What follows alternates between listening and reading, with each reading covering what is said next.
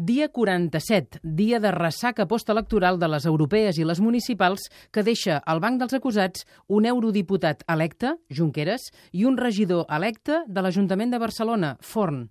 El mateix Junqueras, a Sánchez, a Rull i a Turull, el Congrés els va suspendre com a diputats espanyols fa tres dies. A la sala de vistes un dia especialment feixuc, els passos previs a l'exhibició de proves documentals i vídeos. Per sorpresa de defenses i acusacions, Marchena ha fet recitar a les dues parts el llistat de documents, al marge dels vídeos, que presenten com a prova, i s'ha fet llarg. Cada bàndol té opció d'impugnar els documents que presenta l'altra part, i les defenses han demanat, per exemple, que no s'accepti cap atestat policial que vingui del jutjat 13 de Barcelona. por cuanto se trata de documentación que ha sido obtenida a espaldas de las defensas, es decir, concretamente en el juzgado de instrucción número 13, en el que esta defensa no estaba personada y, por tanto, no pudo intervenir en su práctica con vulneración de, de su derecho a la defensa.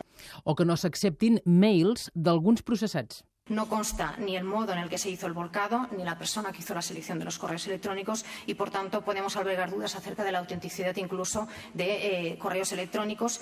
I que tampoc s'accepti un document clau de les acusacions com l'agenda Moleskine. Es una traducción del catalán, porque esa agenda está escrita manuscrita en catalán, al uh, castellano y no es una transcripción fiel ni siquiera de lo que dice uh, esa propia agenda.